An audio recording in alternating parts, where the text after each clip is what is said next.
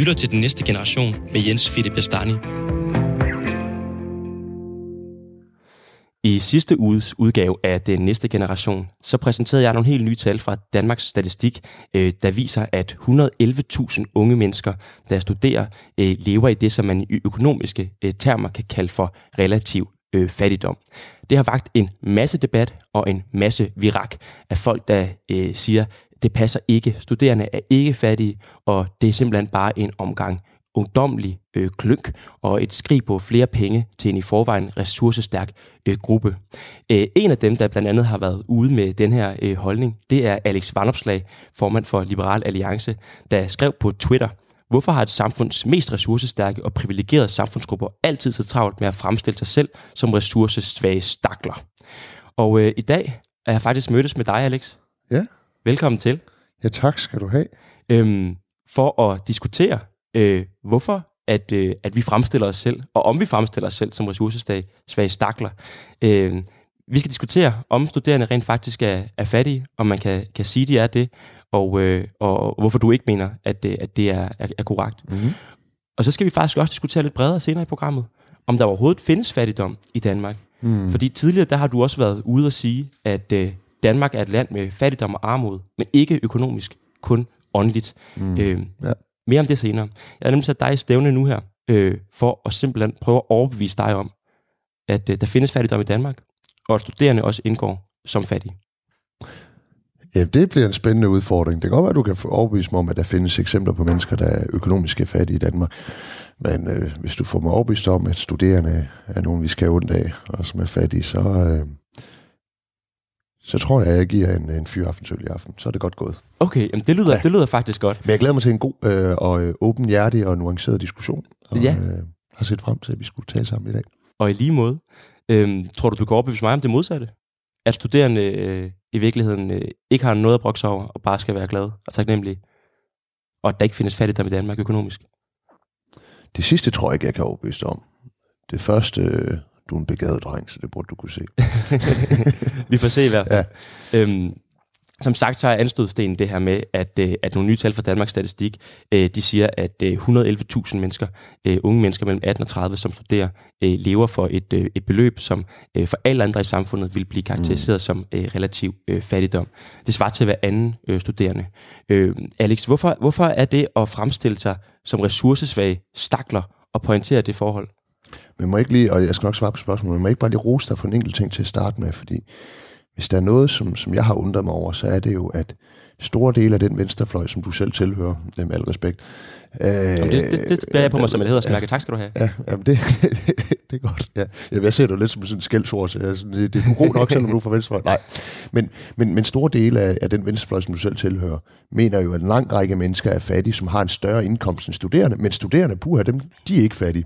Og mm. der at påpege det hyggeleri, det er jo så ikke helt det, der er dit formål nødvendigvis, men at påpege det hyggeleri, synes jeg er vigtigt, fordi der er jo en inkonsistent mm. i det synspunkt, og jeg håber også, at du får held med at få nogen i tale fra Socialdemokratiet og SF og andre, der også har langt ud efter dig at sige, jamen hey hov, hvis en, en enlig på kontanthjælp uden børn, der får 11.000 kroner om måneden er fattig, hvorfor er en studerende så ikke? Altså det, det, det, det kunne egentlig være interessant at, at få det perspektiv med. Og det er en rigtig det, god, må jeg lige kommentere på det, inden vi går videre til det andet så, fordi ja. jeg synes faktisk, det er ret interessant, det du siger der.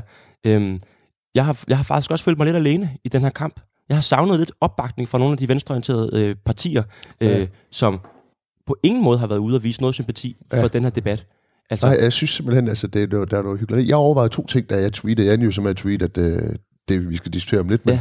men min, mit første, min første overvejelse var egentlig at tage en masse røde politikere og sige, selvfølgelig har Jens Philip der ret, fordi der er folk, der har dobbelt så høj indkomst, I mener er fattige. Altså, hvad, altså udstille der hyggeleri, for jeg synes... Det er jo netop det. For jeg, altså, hvis, hvis studerende ikke er fattige, jamen, så er folk på kontanthjælp jo heller ikke. Altså, Nej, så, i hvert fald så, må det jo være, hvis fattigdom er, økonomisk. Nej, og som relativt øh, ja, fattigdomsbegreb, ikke? Øh, og især, altså man kan sige, der er også noget, der hedder, hvor længe er man i fattigdom? Der har jo selv sammen venstrefløj jo kæmpet for, at man skulle gå væk fra, at man skulle være under fattigdomsgrænsen i tre år streg til, til kun et, et år. Ja, ja, præcis. Men studerende er det i tre til seks år? Ja, ja, mindst. Ikke? Jo, præcis. Ofte længere, ikke? Hvis, du, hvis du flytter hjemmefra under gymnasietiden og så videre. Ikke? Jeg tror da, jeg var under den fattigdomsgrænsen fra jeg var 17, da jeg flyttede hjemmefra til jeg var... Ah, okay, jeg, jeg tjente en del ved noget studiejob til sidst og sådan noget, men, men øh, jeg tror da i hvert fald, at jeg kom op på en, en seks år. Ja, ja Nå, det er netop det. Det var, det var slet ikke det, der var dit spørgsmål, så det var lidt et tidsspørgsmål. Nej, men det er interessant også i forhold til, at um, altså selv hvis ikke jeg kan overbevise om, at, øh, at studerende er, altså på den måde er fattige. Du var lige ved at, at give mig lidt ret alligevel. I hvert fald, hvis man argumenterer på venstrefløjens Nå, nej, men, men, men studerende er, Men- er nogle af det, det, den samfundsgruppe i samfundet, der har allerfærrest penge til rådighed. Det er studerende, det er flygtninge. Ja. Hvis, hvis man endelig skal tale om fattigdom i Danmark, så, og man kun kigger på indkomsten, så er det da relevant at kigge på studerende. Når det så er sagt, så har det sådan lidt, øh, jeg synes bare, det, bliver, det udstiller bare, hvor åndssvag fattigdomssituationen er, fordi studerende, altså universitetsstuderende, altså læger, advokater, kommende jurister og øh, samfundets øh, top og elite og statskundskaber, hvad ved jeg, er det dem, vi skal sidde sidde og ondt af? Skal de til at fordoble deres offentlige forsørgelse? Altså, så synes jeg bare, det bliver grinagtigt, at man skal til at ondt af mennesker. Men må jeg så, Som, ikke, øh, må jeg så ikke prøve at vende, vende tilbage ja. altså til, til den konkrete anstødsten her med de ressourcesvage ja. Stakler, som du mener, at jeg fremstiller studerende som? Mhm. Øhm, fordi det er jo ikke kun jurister øh, og øh, folk, der læser medicin og alt muligt andet. Min kæreste, hun er for eksempel øh, lige blevet færdiguddannet som sygeplejerske. Mm-hmm. Altså, samfundet har akut meget brug for sygeplejersker. Mm-hmm. Det tænker jeg, at du også er helt enig i. ja, det er uomtvisteligt. Hun er blevet nødt til at, altså, at, at finans, altså tage SU-gæld for at komme igennem øh, sin uddannelse. Også fordi, at når du er sygeplejerske studerende i dag, Men, øh, undskyld- tidligere, tidligere der, der var det jo sådan, at man, at man fik en eller anden form for elevløn, fordi man faktisk var ude at være lærer øh, i, som sygeplejerske. Det gør man ikke i dag. Så når man er i praktik, så er man jo en del af en afdeling. Altså et halvt år øh, på et tidspunkt var hun en del af en afdeling, hvor hun arbejdede øh, i hvert fald mandag til og med øh, torsdag øh, fra 8 til 16, eller hvad det nu var, og, og, og nattevagt og alt muligt andet også og, og sige, at for at hun ikke behøvede at leve i økonomiske termer i relativ fattigdom, øh, hvordan er det at fremstille os som ressourcesvage stakler? Er det, er det ikke en åbenlys pointe, at det unfair hvor- kræver, at man enten skal gældsætte sig selv, eller øh, skal ud og have en 50 timers arbejdsuge for bare at nå minimum? Men prøv at, der er der absolut ikke noget unfair i, at hvis man ønsker at investere i sin egen fremtid og sin egen uddannelse, at man så gør det. Det er der, der er absolut ikke noget unfair i. Altså det, det, det er da øh, noget af det mest øh, naturlige i hele verden, og vi har endda et samfund, hvor man siger, at det er alle andre end en selv, der skal betale for omkostningerne til ens uddannelse. Det er alle andre end en selv, der skal betale for ens SU, og så tilbyder man ekstra lånefaciliteter til rådighed, hvis man ikke ønsker at arbejde, men man gerne vil have råd til flere cafépenge. Jeg tog selv masser af SU-lån, øh, og tror jeg endda, at det, det endte af, i hvert fald over 150.000 kroner. Øh, for jeg endte ret pænt højt med min SU-gæld. Mm. Og det var noget, jeg, altså det var en luksus for mig, for jeg er sådan, Nå, men fint nok, det er et lavt forrentet lån, meget gunstigt lån, og det gør, at jeg har råd til, til lidt ekstra fornøjelse og en lidt større fadøl, når jeg tager ud i byen. Øh, det betaler jo så prisen for nu, kan man sige, men, men, men, men pyt nu med det. Godt, du har men en god folketingssyge så. Ja, ja, ja, og inden da tjente, jeg min, øh, min egen penge øh, i det private erhvervsliv, fordi jeg har taget en uddannelse og har investeret min tid og kræfter i det. Men- så det sådan lidt, det, jeg, jeg, jeg, nu, jeg fik ikke fat i, hvad, hvad din kæreste hedder. Emilie, det sagde jeg heller ikke. Nej, øh, okay, Emilie. Ja. Ja, men, men jeg har jo ikke ondt af Emilie, at hun skal tage en lille smule lån for, at hun kan forsøge tilværelsen, mens hun investerer i sin egen fremtid. Men det handler Altså, ikke om, det- for det vi- første så vil jeg sige, det handler ikke om at forsøge tilværelsen. Hvis vi ser på, når det er, som, som udregner det her minimumsbudget, øh, altså, og når det er, kan du i hvert fald ikke klandre for at være venstreorienteret, vel? Altså, som udregner det her minimumsbudget, som bliver siger, det er, når du lever skravet. ja, ja. Men Så- man så kan lever da skravet som 10.000. studerende. Så kan du kun leve for, så 10, finder undskyld, så kan du kun leve for 10.000 kroner. Det vil sige, selv med gældsætning, eller den der 50 timers arbejdsuge, så, er det ikke for, så får du ikke forsøget din tilværelse. Så lever du bare på et minimum. Men det er da også fint, det er en kort periode, mens du studerer, når du er ung. Men er det, prøv at- er det, ikke virkelig sådan- fint, at man skal Altså- gældsætte sig selv? At vi siger til, sam, til, siger, vi siger Er til det, unge er det mennesker i fint, man investerer i samfundet, sin egen fremtid? Ja, det er da mere end fint. Ved hvad, altså, jeg synes jo næsten, at, det, at det, det, det er en skævhed i vores samfund, at man at det i mindre grad er en selv, der skal gældsætte sig og investere i sin egen fremtid, end det er samfundet, der skal gøre det. Jeg så det hellere, at, der var, at man faktisk skulle tage en større grad af SU-lån, og så ikke skulle betale så meget i skat. Altså som dag i dag, så er det sådan, at øh, du kan jo aldrig komme af med din SU-gæld, fordi samfundet har betalt over skatten, og derfor skal du betale topskat resten af dit liv.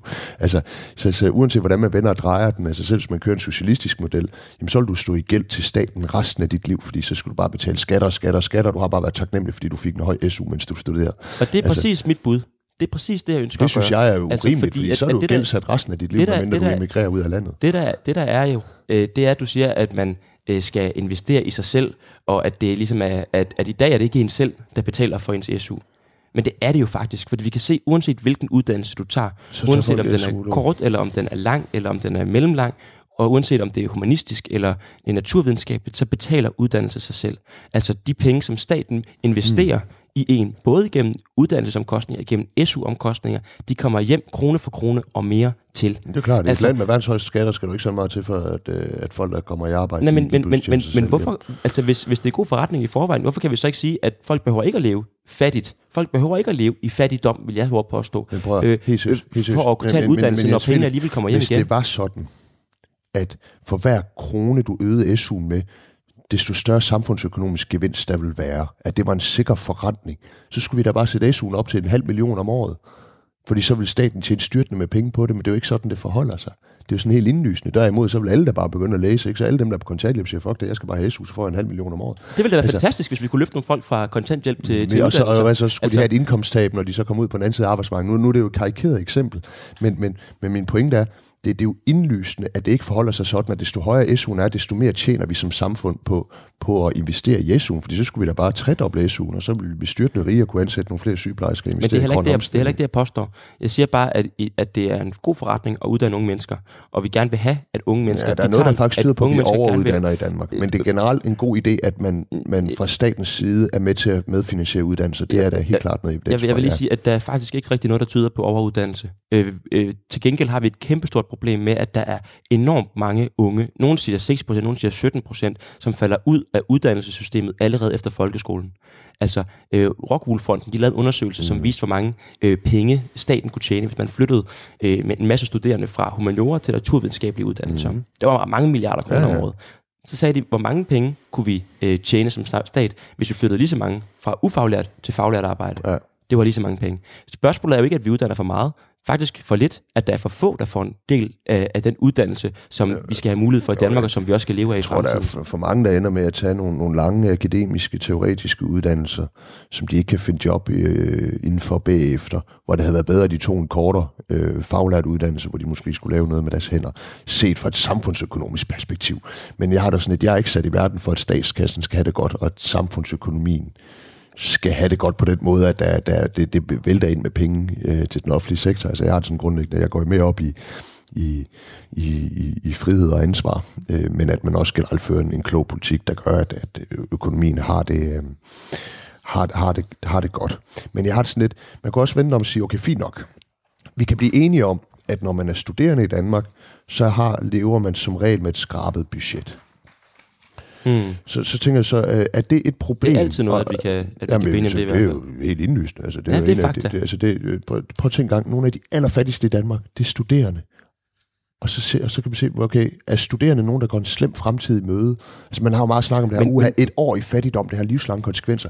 Jeg, jeg, jeg kender ikke nogen læger, jurister og folk, der læser på universitetet, men, men jeg kan der går betale, rundt og er traumatiseret over, at de havde fået penge. en fremtidig høj indkomst, og det, og det er det, jeg gerne vil anholde. Altså, hvorfor men, er det, hvor mange at... hjemløse studerende er der i Danmark? Hvor mange studerende ser du på gaden, der ikke, der, der ikke har råd til deres kollegebolig, eller øh, at de, de finder noget, noget samleje i et værelse? Altså, det største problem for studerende er, at de ikke har råd til at bo i Indeby i København. Jeg ser i hvert fald, prøv at se, jeg finder i hvert fald 111.000, som lever i for under øh, det, som man for alle andre vil kalde for relativ fattigdom.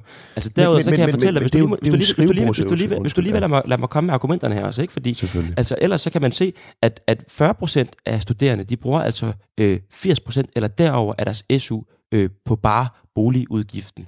Altså, øh, det er ikke bare nogle, nogle tal, jeg, jeg, finder, jeg finder på. Prøv at tænke gang, at man det, kan få betalt sin boligudgift over det, skatten. Er det ikke fantastisk? Jo, og vi skal gøre det endnu mere, synes jeg, fordi at det, det, er, jo, det er jo sådan i, i, i dag, at selv øh, når at du får den her SU, så er det ikke nok. Det er ikke nok til at leve øh, for. Mm. Og, og, og, og det, jeg grundlæggende stiller spørgsmålstegn med, og som du også talte om til at starte at leve af med, med at tage en uddannelse. Nej, men, men hvorfor er det, at, at vi har en idé om, at man skal leve fattigt, inden man kan begynde at leve bedre? Hvorfor kan vi ikke udjævne den skæve livstidsindkomstkurve, der er, og sige, i stedet for, at du skal være fattig, inden du kan tjene gode penge, for så tjene dårlige penge, når du bliver gammel, kan vi så ikke tjene godt nok hele livet?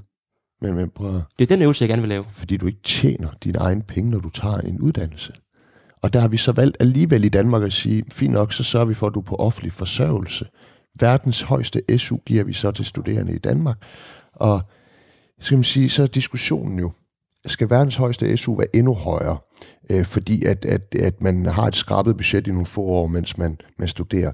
Jamen hvis det er tilfældet, altså hvis, hvis, hvis man skal, hvis du skal overbevise mig om, at vi skal have en højere SU, så skal, så skal der være en af to betingelser, der er opfyldt. Den ene skulle være, at man som studerende ikke har nogen muligheder for at øge sin indkomst ud over SU'en. som det ene. Men det har man jo. Selv hvis du bruger 37 timer om ugen på din studie, og du bruger 8 timer hver dag på at, øh, på at sove, så har du 75 timer tilbage om ugen til at arbejde. Må ikke du kan finde 10-15 timer om ugen til et studiejob. Så skal, jeg bare, der, skal jeg bare lige forstå... Lad, lad, lad mig lige gøre det færdigt, fordi det er den ene ting, der er, en hver studerende med et godt helbred, som mm. ikke får forhøjet handicap SU, har mulighed for at tjene flere penge ved siden af sin studie, også ved et fuldtidsstudie. Det er et valg af prioriteter. Så kan godt være, at der er mindre tid til at gå i byen, der er mindre tid til at gøre alle mulige ting, men det er, man har selv mulighed for at forbedre sin livssituation. Som det ene. Det andet er jo, øh, så den betingelse er ikke opfyldt. En anden betingelse, der kunne overbevise mig om, vi skulle have højere SU, vil være, hvis der var en enorm social armod blandt studerende, der påvirkede dem resten af deres liv og var, var traumatiserende. Men, men altså, de fleste mennesker, jeg kender, der er voksne i dag og har gennemgået en studietid, de ser tilbage på studietiden som ubekymret til, hold op, hvordan kunne jeg leve for så få penge, men nej, hvor var det dejligt, og hvor var jeg fuld halvdelen af tiden og havde det, havde det skide skægt. Det er jo ikke sådan, folk ser tilbage på deres studietid og tænker, åh oh, nej, sikke en gro det var at leve i den slags fattigdom. Så jeg har det sådan lidt, du, du, du, du, du, der er, der er ikke noget problem, men du kigger statistisk og siger, at de har en lav indkomst, lad os fordoble deres offentlige forsørgelse, og så synes jeg, at, at, at du gør dem til nogle stakler, og det er et af samfundets mest ressourcestærke grupper, det er unge, der kommer ind på videregående uddannelser og har en lys fremtidig møde, hvis ellers de holder snuden i sporet. Jeg vil, jeg vil, øhm, I forhold til det der med, at du siger, at det er bare tallene, der siger, at de lever i armod, og at, at tingene ikke er ideelle. Øh, det vil jeg godt spille et klip med dig om lige om lidt, øh, som, som viser, hvorfor at det ikke bare er en skrivebordsøvelse, hvorfor det ikke bare er tal, hvorfor det faktisk handler om virkelige mennesker, der har svært ved at få enderne til at mødes, og lider det afsavn, som mange øh, andre mennesker, der også er fat i Danmark, øh, lider. Men, men inden det vil jeg gerne lige stille et spørgsmål og spørge, er det virkelig så din ideelle løsning? For du, du siger, at man har mulighed jo for at tage et arbejde ved siden af, man har mhm. mulighed for på den måde at, at faktisk tjene nok. Altså, mener du virkelig, at det ideelle er at sige til unge mennesker, som tager en uddannelse, som vi som samfund siger, at, at de skal tage, og at vi har brug for, de tager, at hvis de gerne vil leve, og bare kunne leve på minimum, altså ikke leve godt, ikke leve luksus, men bare leve helt okay, så skal de have en over 50 timers arbejdsuge, som vi ikke forventer af nogen andre i samfundet. Mener du virkelig det? Ja, selvfølgelig. Jeg mener altid, det er godt at arbejde. Det er altid godt at tjene sin egen penge. Og når du er ung og stærk og fuld af energi, og ved at tage en uddannelse, du har en super fleksibel hverdag, du kan selv bestemme, om du møder op til forelæsning, du kan selv bestemme, hvornår du laver dine lektier, øh, eller læser op, øh, op på dine studier. Du har alt den frihed, du skal bruge. Du har billig transport, du har billige boliger, du har en masse gunstige forhold, fordi du studerer, plus du får en offentlig indkomst. At du så skal arbejde 10-15 timer om ugen på noget, der er studierelevant, der giver dig kompetencer, der giver dig fællesskaber på arbejdsmarkedet, der lærer dig at møde op øh, til tiden og indgå på en arbejdsplads, samtidig med, at det giver nogle flere penge. Er det en god ting? Ja, selvfølgelig. Altså, jeg vil synes, det var et tab for Danmark, hvis vi øgede SU'en i sådan en grad, at folk stoppede med at arbejde ved siden af deres studie. Jeg tror, det vil gøre Danmark til et åndeligt fattigere land mm. at folk første, første gang, de skal sætte deres fødder på en arbejdsplads, det er, når jeg, de er 30. Faktisk, jeg tænkte faktisk, at, at, at du som liberalist var interesseret i, at vi fik mest ud af vores penge som samfund, når vi så engang bruger penge. Nej, det er Socialdemokratiet, altså, der går op i det. Socialdemokrater, Nå, okay, den social, okay. For så du har det fint nok med, at folk de, de forsømmer deres studie, fordi de arbejder ved siden af, for eksempel? Altså, fordi ja, det, der, det der... Ja? Ja da. Okay. Ja da. Prøv, prøv altså, det, jamen, helt seriøst. Men det er jo fair nok, fordi det, nej, nej, men, det, det er bare for at sige, det er i hvert fald konsekvensen af det. Altså fordi, at, at hvis, øh, hvis folk, der studerer, ikke skal studere, men skal arbejde i stedet, så går det ud over studierne. Jeg synes, jeg synes at der skal mm. være en værdi i, at, at, at når man studerer, øh, ja. så har man mulighed for at tid til at hellige sig det fuldkommen. Og ja. blive den bedste studerende, Godt. den bedste færdiguddannede, ja. man kan. Man må ikke lige to, to ting til den. Øh, og det er faktisk det er virkelig en, jeg kan mærke, det, her, det, er en, det, det er længe siden, jeg har haft diskussion, jeg kan mærke, at jeg bliver sådan helt... Øh, passioneret faktisk. Ja, nå, det er godt det, jeg, jeg, jeg er simpelthen så uenig med dig, og det, det, det er også derfor, jeg mig til den her diskussion. Prøv at, altså, jeg er jo selv jeg er den første i min familie til at tage en, en lang videregående øh, uddannelse, og jeg kommer fra et... Vent lige med den, Nå, for den kommer vi tilbage Nå, til fint. om et øjeblik, det lover jeg. Fint, fint, fint. Nå, ja, ja, men, men, men, men, men jeg vil gerne Alex, hold, hold, min pointe med det med at arbejde, fordi jeg har sådan lidt... Der er jo to ting i det. Det er jo ikke enten eller. Hvis du har et fuldtidsstudie, så må det antages at være, hvad, 40 timer om ugen? Ja, sige 42, 42 tror jeg faktisk, de fleste 42 timer om ugen. Så er der stadigvæk, efter du har sovet 8 timer om dagen, over 60 timer i ugen, hvor du skal finde 10 timer til at arbejde, hvis du har lyst til det. Og ikke hvis du har lyst, for at ramme minimum af levestandard i Danmark. Ja, og for at få alle de fantastiske ting, der er ved at lære at gå på arbejde ved siden af sin studie, og måske endda have noget studierelevant. Og, Gør du dig ikke skyldig i samme hyggeleri som alle de andre så? Fordi du forventer vel ikke, at voksne folk, der er færdiguddannede, skal arbejde 50 timer? Det bestemmer de selv. Hvis de gerne vil tjene, hvis de er utilfredse med den løn, de får ved 37 timer, synes jeg, at de skal arbejde Vil du synes, der var et problem, hvis man skulle arbejde 50 øh, timer som øh, voksen, øh, hvad hedder det, øh, bare for at få minimum slevstandarden på 10.000 kroner? Ja, altså så har du en timeløn på hvad, øh, 20-30 kroner i timen, eller en ska- et skattetryk på 80 procent, det, det, det, er jo næsten dit drømme Så det det, være, sidste. et pro- det vil være et problem. Ja, det ville være et problem, hvis vi havde et skattetryk på 80 procent, Jamen, det ville være, folk, det ville være et problem, hvis du som voksen kunne arbejde, skulle arbejde 50, tu- 50 timer om ugen, bare for at få minimum indtægten på 10.000. ja, selvfølgelig. Hvorfor er det så ikke et problem, når man gør det samme som ung?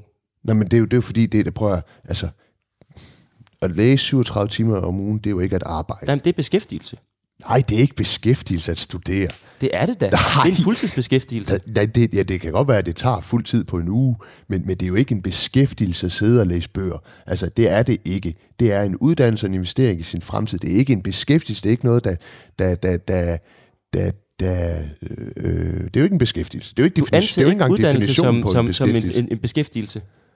Men det kommer an på, at du lægger ordet beskæftigelse. Altså et arbejde, nej. En beskæftigelse, jo jo, det er også beskæftigelse at klippe min negle. Altså så beskæftiger jeg mig med det, så det, kommer, det, er, jo, det er jo lidt noget røgklæderi. Men må jeg ikke bare lige komme med en anden pointe? Jo, kom med Fordi, det, inden vi går videre. Øh, selv, selv hvis det er sådan, lad os sige, at man vælger at arbejde 15 timer om ugen, og man derfor bruger 30 timer i stedet for 37 timer på at læse og studere, så vil det, er jeg fuldstændig overbevist om, i rigtig mange tilfælde, alt efter hvilket studie man læser, være en bedre investering i sin fremtid, end at bruge 40 timer om ugen på at læse og 0 timer på at arbejde. Og det kommer an på, hvilket studie man læser. Hvis jeg tager udgangspunkt i mig selv, Mm. jeg har læst statskundskab. Øh, jeg har brugt langt fra al den tid øh, på studiet, som jeg kunne, og som nogen mente, at jeg burde. Øh, jeg brugte nok tid til, at jeg fik en, en, en solid grundforståelse i stort set de fleste fag. Øh, men jeg valgte at bruge tid på ungdomspolitik og på at arbejde. Og de to ting har karrieremæssigt, nu sidder jeg så i Folketinget, så det er sådan lidt åndssvagt, men, men det, det, lad Ja, mig der sige var sådan, da jeg var færdig, dumme i hvert fald. da jeg var færdig med min studier, der havde jeg allerede øh, en kontrakt på et fuldtidsjob på hånden, øh, og havde arbejdet et deltid ved, ved et konsulentbyrå, og som jeg så havde en fuldtidskontrakt med, inden jeg var færdig med mine, mine studier. Øh, havde jeg ikke prioriteret tid på politik, og havde jeg ikke prioriteret tid på studiejobs undervejs, herunder det studiejob, der førte til mit, mit fuldtidsjob, men i stedet for at have brugt al min tid på at blive stærk til at kende statskundskabsteorier, så er jeg gået på dagpenge i to år. Altså, altså efter, efter studiet, så har jeg ikke fundet noget job. Altså, så, så det har været 10 gange mere værdifuldt for mig at skrue en lille smule ned for mine studier, eller mine ambitioner på studiet, og skrue en smule op for mine ambitioner mm. på studiejobsene. Mm. Øh, og det er jo ikke sådan, det er for alle studier. Altså, jeg kunne forestille mig, hvis du skal være læge eksempelvis, så, så er det godt at kunne dit, dit stof. Men der er jo andre ting, og det ved jeg, du også er klog nok til at vide. Der er andre ting, der bare bliver god fagligt. Der er også noget, der hedder, at du skal, du skal det plejer jeg at sige til, til, til unge mennesker, der stresser, at sige, husk at komme ud og drikke nogle øl, husk at socialisere, du skal kunne finde ud af at omgå dig med dine mennesker, og husk at få dig et studiejob. Du skal lære at begå dig på en arbejdsplads. Så jeg har det sådan, at tro, at, at det saliggørende er at bruge så mange timer som muligt på at dygtiggøre sig til sit studie. Det, det tror den, jeg er forkert. den er du faktisk ikke enig i. Nej, det er jeg ikke enig i. Okay, Ja. men lad os, lad os prøve at snakke lidt om, hvorfor det så er. Altså, nu har du net- netop nævnt det der med, at du, du, at du har nogle konkrete oplevelser fra dit eget studium på statskundskab, mm. Mm. som gør, at du har den holdning. Jeg kunne godt tænke mig, at du lidt ned i den, øh, det spor af debatten og sige, hvordan kan det være, at, at vi to er så uenige om det her? Øh, altså, hvad er det for nogle forskellige erfaringer, vi har, og oplevelser, øh, der, der gør, at, at, at, vi, at vi står så fjern fra hinanden i den her diskussion? Lad os lige bruge noget tid på at snakke om, øh, om det. Du lytter til den næste generation med Jens Philip Bastani. Fordi du siger det her med, at på statskundskab, der prioriterede du øh, at, at, at gå ud og arbejde og lave ungdomspolitik. Og det Ja. faktisk var den, var den bedste investering, du gjorde i, i dig selv. Og så kan det godt være, at du ikke blev helt så skarp som nogle af dine medstuderende på de statskundskab-teorierne. Mm. Men det var faktisk lidt underordnet. Jeg har den stik modsatte holdning. Altså, det, på mit studie, de sidste øh, par måneder her, der har jeg lavet radio her på Radio 4. Øhm, og, og det har betydet, at jeg har valgt at læse 15 ECTS mindre sidste år. Jeg har overlov det her semester fra studiet. Mm-hmm. Fordi jeg har ikke lyst til at, at, at, at gøre noget halvt. Hvis jeg studerer, så vil jeg gerne kunne gøre det ordentligt. Øh, hvis jeg arbejder, vil jeg gerne kunne gøre det ordentligt. Men jeg føler, at det er svært at skulle gøre begge ting. Jeg føler, at jeg ville blive en dårligere studerende, hvis jeg blev ved med at skulle læse fuldtid, øh, samtidig med, at jeg skulle arbejde. Og jeg ved, at jeg ikke er den eneste, der har det sådan. Altså, der, der, der, er, jo, der er jo mange, der, har, der synes, at det er ufor, øh, uforenelige størrelser at skulle arbejde ved siden af at skulle, skulle, skulle, skulle studere. Altså, så, det, det under mig bare over, altså, hvordan, hvordan, hvordan, hvordan, kan du synes, at, at, det, at det er bedre, at man ikke bruger tid der, hvor man nogle gange er, men skal være alle mulige andre steder? Men øh, undskyld. Kommer jeg til at stikke lidt til dig? Ja, kom med det. Men jeg synes, det grænser til noget klønk. Altså, hvordan tror du resten af dit liv bliver? på et tidspunkt, når du får børn og job og sådan noget. Altså, det, det, det, er, jo, det er jo bare sådan, livet er jo. Altså, det der, det er jo... Det er, du, det, undskyld, men, men, men jeg hører en sindssygt privilegeret person, som problematiserer, åh, jeg vil ønske, at jeg kunne det hele på en gang fuldt ud. Men jeg må desværre vælge med at hellige mig til mit studie, som jeg elsker, eller hellige mig til et job som journalist. Altså, jeg, jeg, jeg får jo ikke... Øh, men du skal heller ikke det, undre mig. bare, Du skal ikke nej, nej, jeg er ikke af dig, men jeg har sådan lidt, men- jeg, jeg kan ikke se problemet.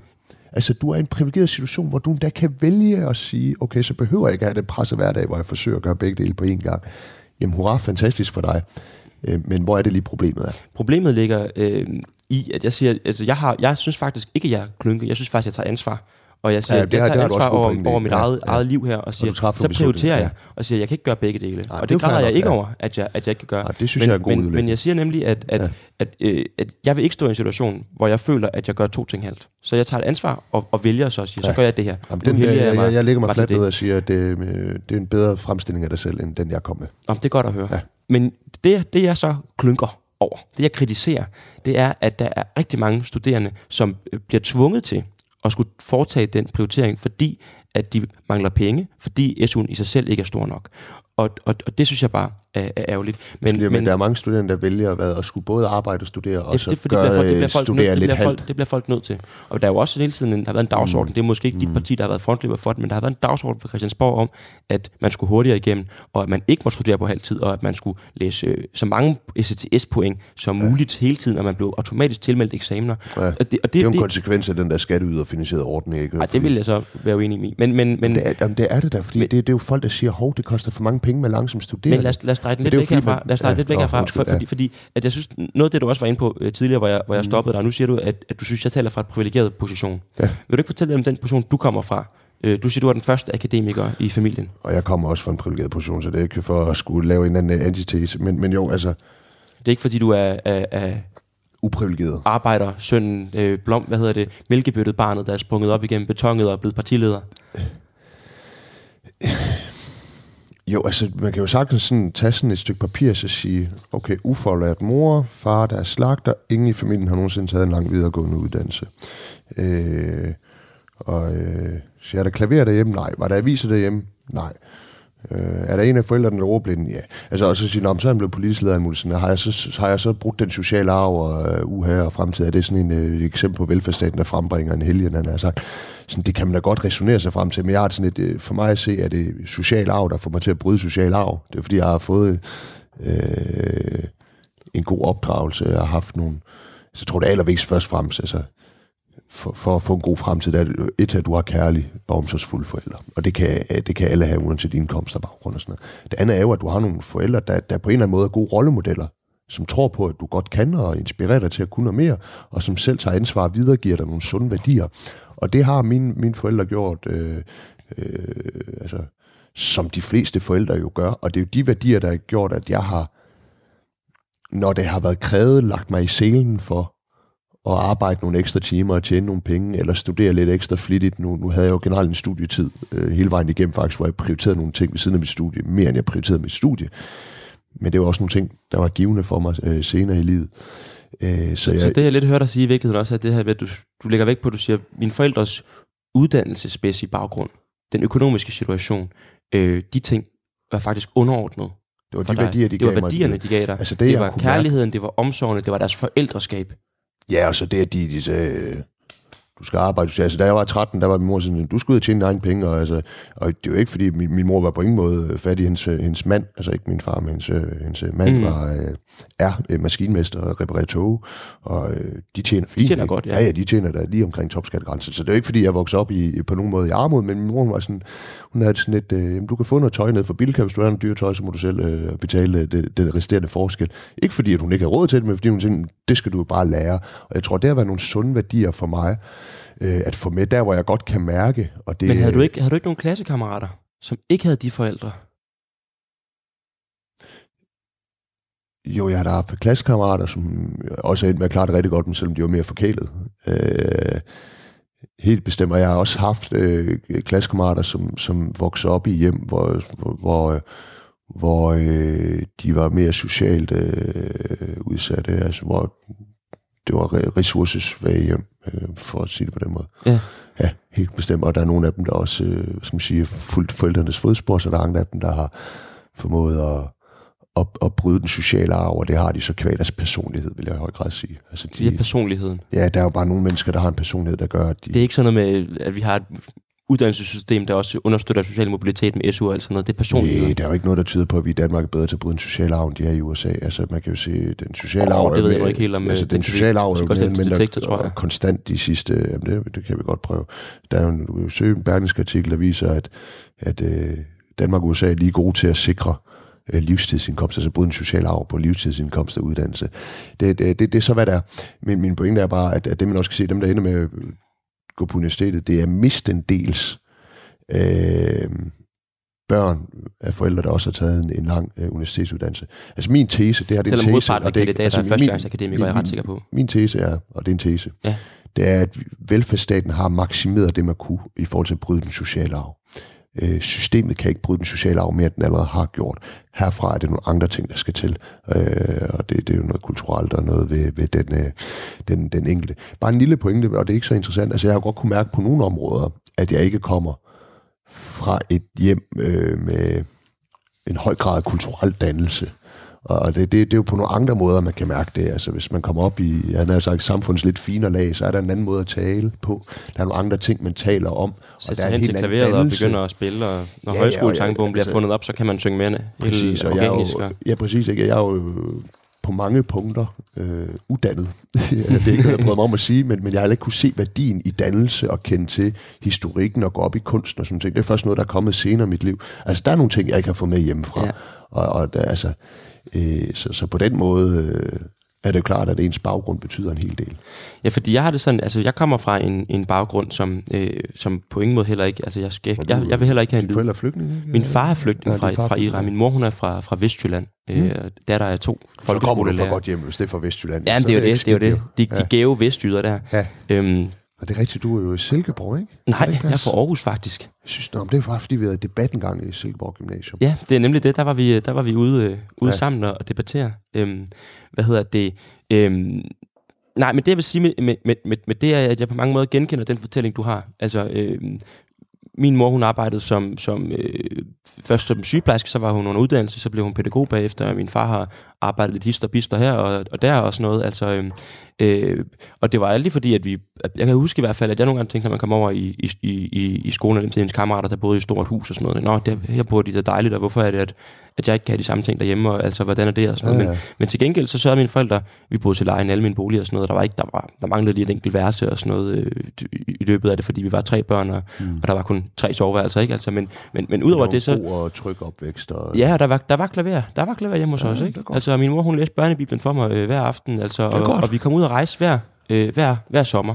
Det, det blev nemlig prioriteret, at vi skulle ud og rejse ja. og opleve, og opleve verden. Så jeg kan godt følge noget af det, du siger, ikke? Men jeg føler også, at, at det sted, jeg boede, og i det kvarter, der var der rigtig mange, som, som havde, havde forældre, der, der på ingen måde øh, kunne de samme ting, som ikke havde mm. den samme, hvad skal man sige, måske kulturelle kapital. Altså, øhm, og som, øh, som også sad øh, økonomisk værre i det, end, end, jeg selv, mm. øh, end vi selv gjorde det. Altså, hvor at der var udbredte sociale problemer, og mm. hvor at det, det ikke var lige så nemt at få enderne til at mødes og, og holde hovedet oven vande, og, øh, og alligevel få den gode opvækst, måske på trods af, at man ikke havde, øh, havde det samme materiel som, som, som ens kammerater. Altså, øh, må, jeg, må, jeg, må jeg stille spørgsmål? Ja, det må du meget gerne.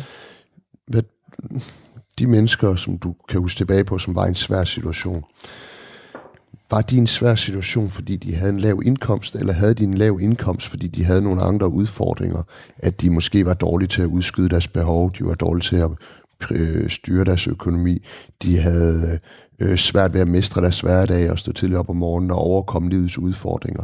Altså den der åndelige armod, som, som jeg beskriver, og det er egentlig ikke noget nedladende om folk, fordi jeg har selv øh, flere af min familie, som, som vil passe på den beskrivelse, som har været ind og ud af kontanthjælpssystemet, og jeg, jeg også flere gamle folkeskolekammerater, så jeg har set den der åndelige armod. Men jeg synes bare, at den handler meget lidt om økonomi, og der vil jeg egentlig gerne høre, hvad, hvad din oplevelse er. Og det passer godt, fordi det er det, vi skal snakke om her i det næste øh, kvarters tid i det her program. Okay.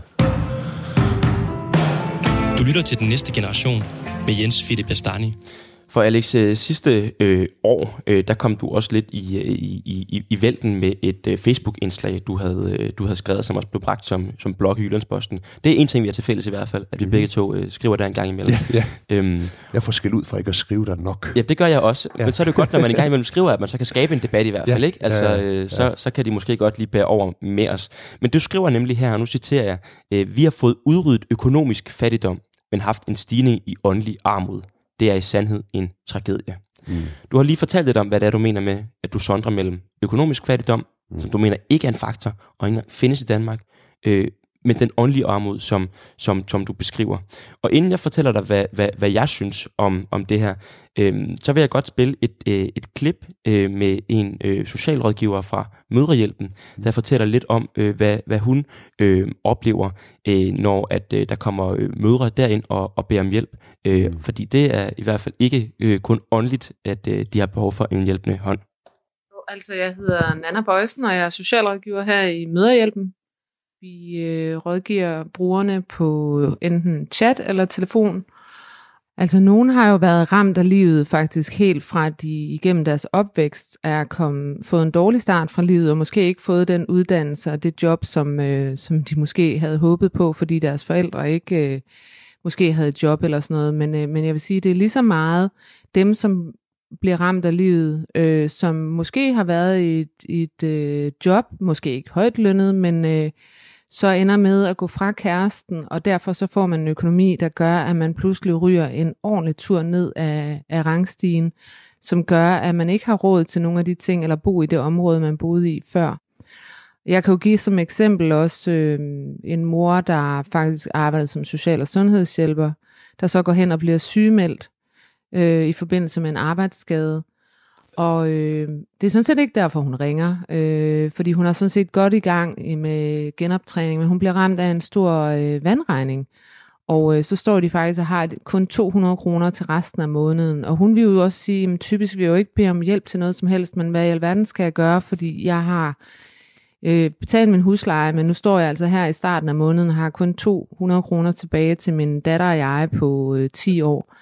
Og så er det jo helt uvandt for sådan en mor, der ellers har arbejdet, måske at skulle gå ned i en eller anden fødevarehjælp og bede om at få noget øh, overskudsmad. Men det kan jo faktisk nogle gange være det, vi er nødt til at sige til folk, fordi vi ikke bare heller har øh, økonomiske midler i møderhjælpen til at kunne øh, støtte folk på den måde. Hvad er det for nogle ting, at de at skulle prioritere imellem det? Altså, hvad, hvad er det for nogle ting, at de må skære fra? Altså, man må sige, at forældre gør virkelig meget, for de skærer jo primært udgifter væk til sig selv. det kan vi se. Øh, og for eksempel vælger de medicinudgifter fra, som jo kan være ret uheldigt, hvis man er i et, øh, på sygedagpenge eller i et, i et udredningsforløb for et eller andet, hvor man helst skulle have noget behandling. Øh, man får valgt øh, fodtøj fra til børnene, som måske passer til årstiden. Øh, men man kan se, at det forældrene virkelig prioriterer, det er, at deres børn dagligdag mest muligt ligner de andre børns. Men, øh, men det bliver jo noget med, at så kan, betaler man ikke til skolemad eller skolemælk, og, øh, og der kan også være lejretur, man ikke kommer på. Men, øh, men det er meget med at være inde og prioritere i, i egne udgifter. Og, og jeg ved ikke, om man tænker i dag, at sådan noget som at have en iPad som barn er en luksusting, men det kan jo være det, der betyder, at de andre gider med hjem og lege øh, fordi det nogle gange er den måde, man, øh, man er sammen på som børn i dag. Og hvis, øh, hvis kammeraten ikke har en iPad, så gider man jo bare ikke hjem til Magnus og lege. Det man kan sige, det er ikke så dyrt det første år, man er fattig, fordi der er det ligesom... Øh, der lader man alting strække lige lidt længere, og en søn får måske ikke en ny cykel, selvom den har været gået i stykker, og det er faktisk mere, når man har været fattig mere end et år, hvor så begynder det at, at gnave på ressourcerne, fordi ens fokus bliver hele tiden, hvordan skal jeg skaffe penge til næste husleje? Alex Vanopslag, øh, formand for Liberal Alliance. Når du hører øh, det interview, som, som min øh, tilrettelægger Jeppe har lavet med en socialrådgiver ned fra Mødrehjælpen, som fortæller om folk, der fravælger øh, medicin, øh, vintertøj, ikke har råd til at give deres børn den samme opvækst som, som mange andre. Har du så lyst til at gentage, at vi har fået udryddet økonomisk fattigdom i Danmark? Ja. Vi har fået Øh, udryddet økonomisk fattigdom i Danmark. Ja, og lad, lad, lad mig lige komme med, med, med, med mellemregningerne, og så, så kan vi diskutere konklusionen. For jeg har sådan, det der mangler i det her klip, det er jo, man siger, fint nok, den her mor, som er på kontanthjælp, fornemmer jeg, eller er det sygdagpenge? Øh, Nå, Øh, det, det, det, det er jo forskelligt fra case til men det er case. forskelligt, hvad, hvad folk det er, men der er mange, som er på, øh, på kontanthjælp. Der er også Ja. folk, der er førtidspensionister, og, Ja. øh, og, og hvad hedder men, det? øh, Undskyld, øh, det, det, det, det, Ja. Vi ved, at dem, der har den laveste indkomst i den her gruppe, det er kontanthjælpsmodtagerne. Er du enlig mor med to børn på kontanthjælp, så fik du under kontanthjælpsloftet 18.000 kroner i samlet offentlig indkomst om måneden efter skat. Det har man så øget til 20.000 kroner nu. Øh, lige knap 20.000 kroner øh, med det her øh, børnetilskud, hvor man giver tilskud til at have børn, men ikke har arbejde. Er man fattig, når man har cirka 20.000 kroner efter skat om måneden i offentlig indkomst? Nej, det mener jeg ikke. Og jeg synes, det er noget af det, der mange der er, der siger, okay, hvad er din indkomst? Hvad bruger du dine penge på? Hvor dyr er din husleje? Kunne du have fået en billigere husleje? Hvor, hvor mange cigaretter ryger du? Alle de her ting. Altså, det, det skal jo med for at få det retvisende billede. Du Når kan det ikke så bare sagt, på indkomstsiden, du skal også have udgiftssiden med, siger du i Ja, virkeligheden. selvfølgelig. Altså, man skal vide, hvad er det for nogle ting, der bliver prioriteret, som gør, at der ikke er råd til fodtøj, lejertur og iPads, Nu eller hvad det du, nu nu hører medicin. du, øh, Men- nu, men nu siger du, lige... så bare lige må, øh, fordi vi har, vi har, vi har fint nok øh, tid nu faktisk, så jeg vil bare lige komme med replik til det at sige, nu hører du øh, hende fra Mødrehjælpen, som vi må antage er væsentligt mere faglig i forhold til det her, end nogle af os er, og som har det langt tættere ind på livet, taler med langt flere mennesker, som det kan godt være, du har besøgt en enkelt kontanthjælpsmodtager, men altså, hun snakker med dem dagligt, ikke? Hun siger, generelt, så kan vi se, at folk, de faktisk prioriterer sig selv fra, og prioriterer Mhm. deres børn, Ja. men at den alligevel ikke, ikke går. Men, men, men hør, og det er også det, jeg er løb på nu. Vi kan konstatere, at der er materielle afsavn.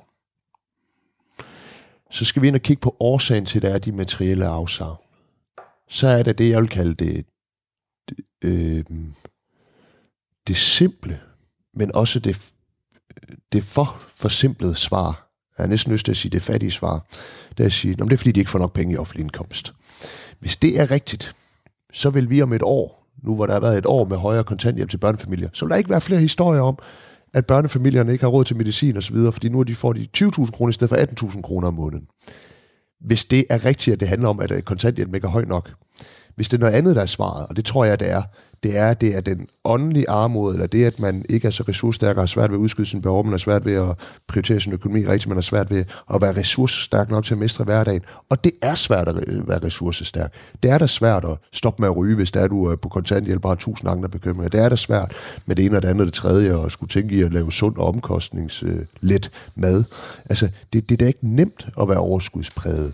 Altså det, det er det, der, det, det, det, det er, der er bare nogle mennesker, der fødes med en personlighed, hvor det er nemt for dem, øh, men, men det er jo ikke nemt.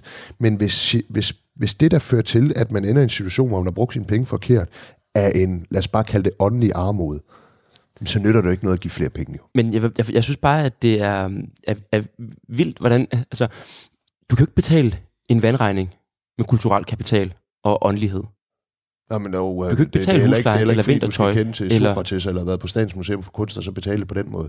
Det, det, det handler jo om, Men er det ikke det, det er jo i virkeligheden det, du på mange måder siger? Fordi Nej, det er det ikke. Altså, så- så er det fordi, jeg synes, at, at, der er nogle, at der er nogle, at der er nogle Altså. helt altså, klare, tydelige øh, forhold, der hedder, et forhold, der hedder økonomi. Ikke? Mm. Altså, at der er ting, der Mm. koster, øh, og, og der er ting, der koster, hvad det nogle gange øh, Ja. er prissat til. Og, og, og, og det er jo uanset, om du er dum eller klog, altså uanset om du har overskud eller underskud, så koster huslejen vel det samme, så koster en uforudset, øh, hvad hedder det, øh, vandregning det samme, så koster medicin det samme. Men at, der er masser af folk, der sagtens skal få det til at hænge sammen. Med færre penge, eller med det antal penge, man nu får på kontanthjælp med børn, altså de her 20.000 om måneden, og så er der nogen, der ikke kan. Og det er fordi, der er nogen, der bruger deres penge forkert, og fordi det er øh, en, en, en hverdag, hvor, hvor, øh, hvor man ikke øh, svømmer i, øh, i, øh, i, i, i, i penge. Nu har jeg, øh, om, om en, en fire ugers tid kommer der en udsendelse, der hedder Reality Check faktisk på DR, hvor jeg er ude og besøge en, en på kontanthjælp, som får en meget lav kontanthjælpsats. Altså, vi snakker, hun har 8-9.000 kroner udbetalt om måneden, Ja. og det bliver et op af husleje og så videre. Hun er, det er lige før jeg vil sige, at hun er, hun er hun er fattig, men, men også kun lige før. Altså, Kun hun har råd til bil og cigaretter og alt muligt. Ikke? Men, men hun har virkelig en, en, presset hverdag. Det, der er det tragiske, er jo, altså hvad er det, der, der er venstre... Øh, nu karikerer det, hvad er venstrefløjens svar på venstreproblemet, der skal give højere kontanthjælp? Jeg spurgte, hvornår har du sidst været nede på jobcenter? Som jobcenter er ligeglad med mig. Men jeg er jo... jo- nede på jobcenter to gange om, om, om året, så er jeg til en samtale, og så lader de mig passe. Altså hun er parkeret på passiv kontanthjælp, og hun vil gerne arbejde. Hun kan godt arbejde. Hun kan bare ikke arbejde fuldtid. Hun skal måske på flexjob. Prøv at tænk, at man lader sådan en kvinde bare sidde og, og, og rådne op i godsøjne. Hun er heldigvis også- rimelig ressourcestærk. øh, Men, Enten eller øh, op, synes jeg. Fordi i det her indlæg, der skriver du også, øh, hvad hedder det, altså det, hvor du skriver om, at øh, der er ikke nogen øh, økonomisk fattigdom, men der er en åndelig en af, af slagsen. Der skriver du også noget med, at beskæftigelse socialpolitikken skal nytænkes og udføres af mennesker og ikke offentlige systemer. Ikke? Mm. Det er jeg fuldkommen enig med dig i.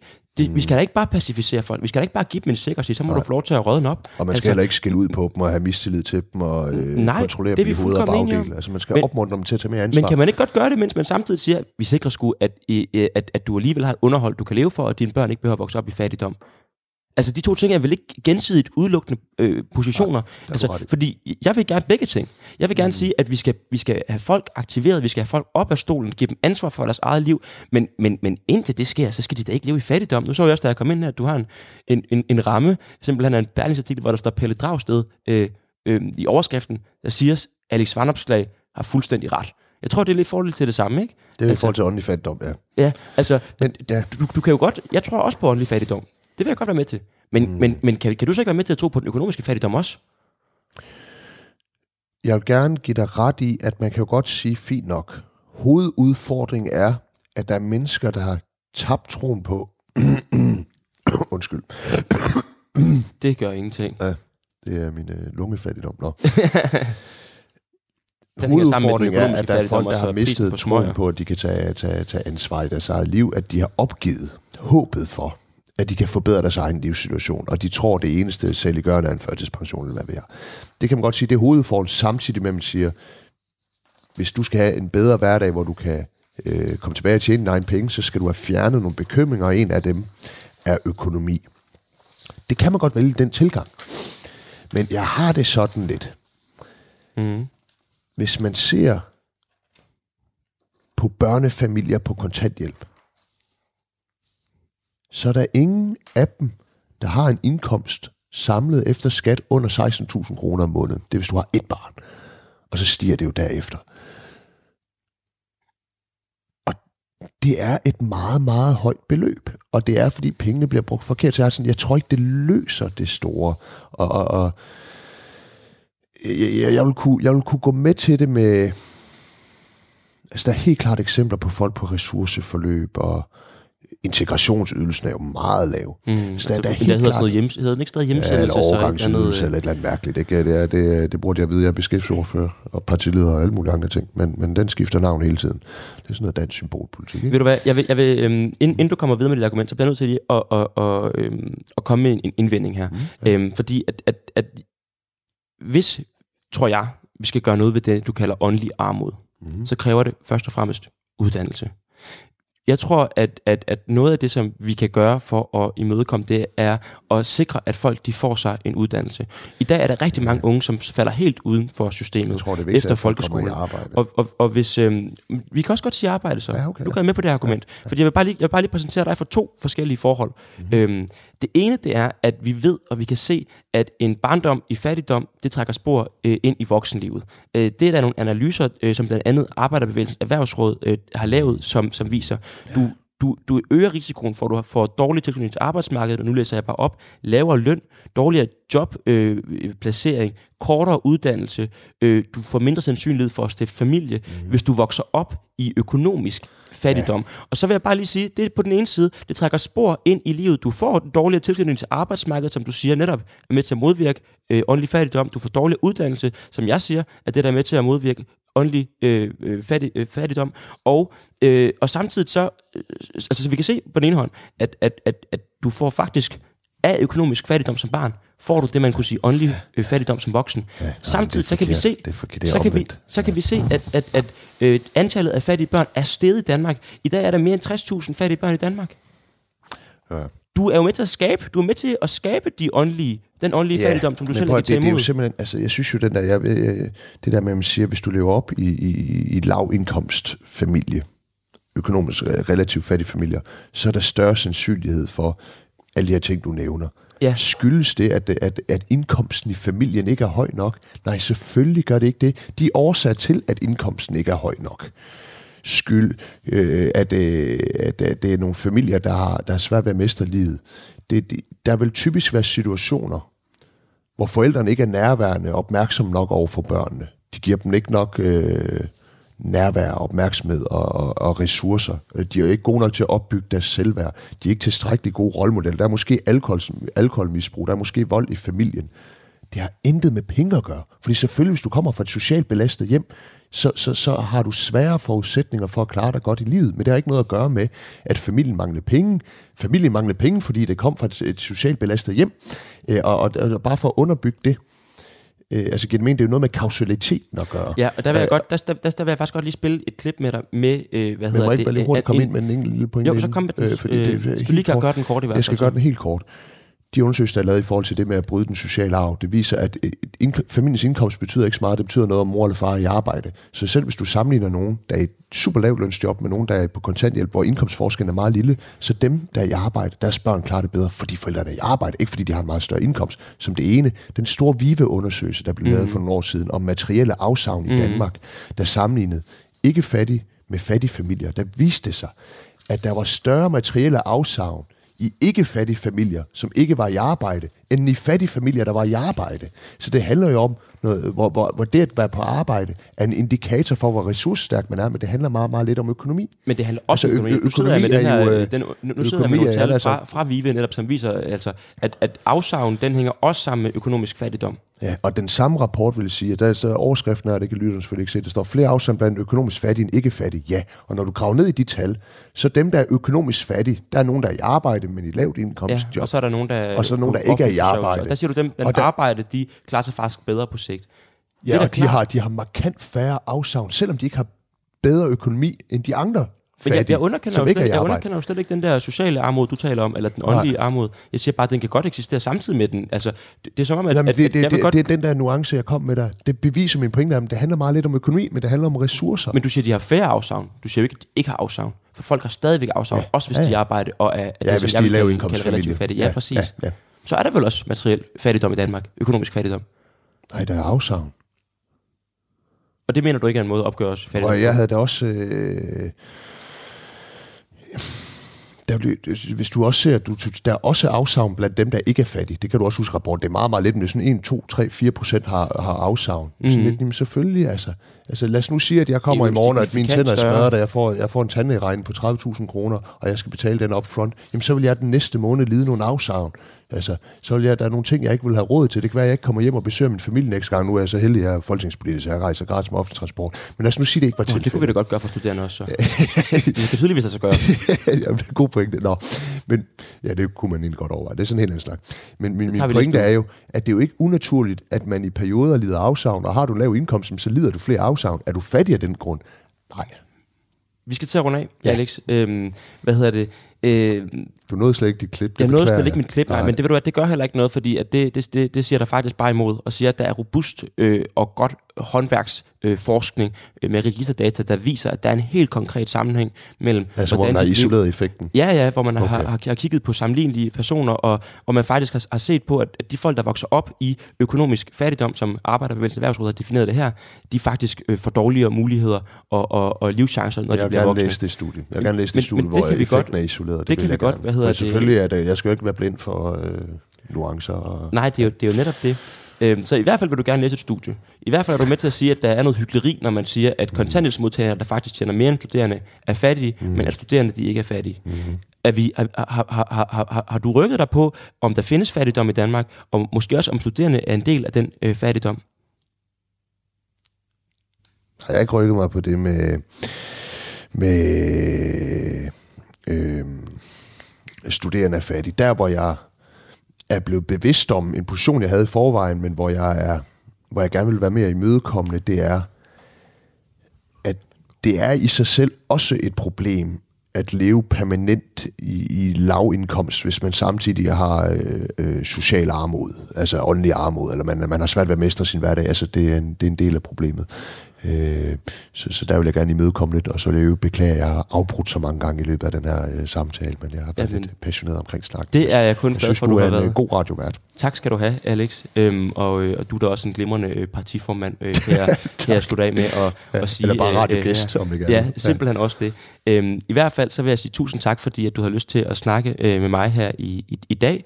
Jeg synes, det har været en spændende debat, og det kan godt være, at jeg ikke får dig til at tage ordet øh, fattigdom i Danmark øh, i din mund, øhm, men i hvert fald øh, går du nu lidt med på, at der måske også er noget materielt, øh, som kan spille ind, hvis det bliver kombineret med det åndelige. Mm. Det er i hvert fald sådan, jeg forstår resultatet af vores samtale. Øhm, jeg vil sige tusind tak, øh, fordi at øh, du er med, og tak til alle jer, der har lyttet med derude.